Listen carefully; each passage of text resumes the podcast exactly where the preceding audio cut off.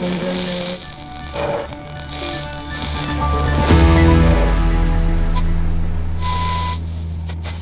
och välkomna till 6 minuter, en nyhetspodd i kortformat från tidningen Arbetaren, där vi kort sammanfattar den gångna veckan. Ni kan läsa oss på arbetaren.se och följ oss också gärna på Facebook.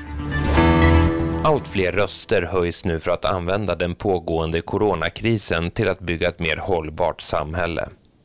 Den globala pandemin som lamslagit stora delar av flygtrafiken har fått många att inte bara oroas utan också att tänka om.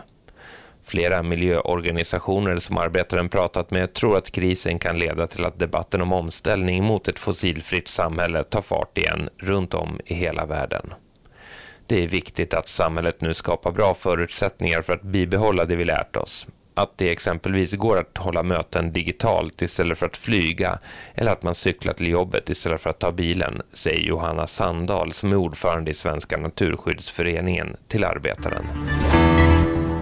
Det första dödsfallet bland vårdpersonal som vårdat coronasmittade patienter har inträffat. Men det är långt ifrån säkert att juridiskt ansvar kan utkrävas vare sig i det eller i kommande liknande fall. Det säger Jörgen Lindberg som är vice kammarchef på Riksenheten för miljö och arbetsmiljömål. Vi, vi tror det. Vi kommer att börja titta på det, ja. Arbetsköparen har ett ansvar enligt arbetsmiljölagen att vidta alla åtgärder som behövs för att skydda sina anställda från att smittas. En arbetsköpare som agerat oaktsamt kan bötfällas och vid grov vårdslöshet genom att ta risker dömas till fängelse. Men Jörgen Lindberg ser svårigheter både i att övertyga domstolen om att personen smittat på jobbet, men också att arbetsköparen agerat oaktsamt. Det är stora svårigheter eh, i en sån här utredning då, med, orsakssamband inte minst då.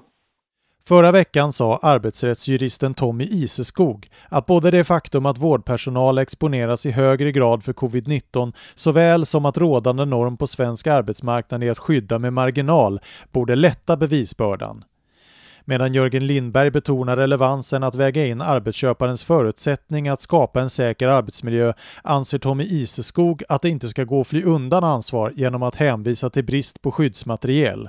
Om så verkligen är fallet är det det som ansvarar för bristen som ska ställas inför rätta, ända upp till politikernivå.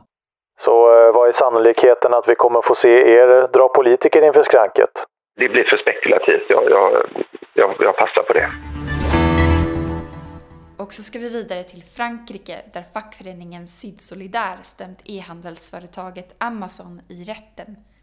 I tisdags eftermiddag slog en domstol i Nanterre utanför Paris fast att så länge inte arbetarnas säkerhet garanteras måste företaget kraftigt reducera sina leveranser i landet till att enbart omfatta essentiella varor såsom mat, medicinsk utrustning och hygienartiklar. Jean-François Béraud, som är organiserad i fackföreningen Syd Solidar och som arbetat på Amazon i nio år, är nöjd med beslutet. La décision de justice qu'on a obtenue aujourd'hui, c'est euh, la limitation des activités om de reducerar varorna och färre människor arbetar på golvet kommer det bli lättare att hålla social distans. Det är ett bra steg på vägen. Jag hoppas att detta beslut också kan hjälpa Amazon-arbetare i andra länder, säger han till Arbetaren. Efter att beslutet fattades fick Amazon 24 timmar på sig att omorganisera leveranserna. Företaget måste också böta en miljon euro om dagen om de nya direktiven inte efterföljs.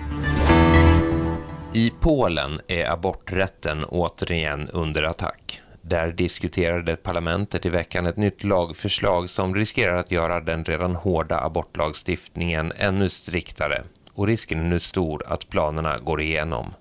Den pågående coronapandemin omöjliggör nämligen demonstrationer och gatuprotester, något som tidigare spelat en avgörande roll när den nationalkonservativa regeringen lagt fram liknande förslag. Skulle regeringens planer bli verklighet innebär det bland annat att abort endast kommer att vara lagligt om den gravida kvinnans hälsa är i fara.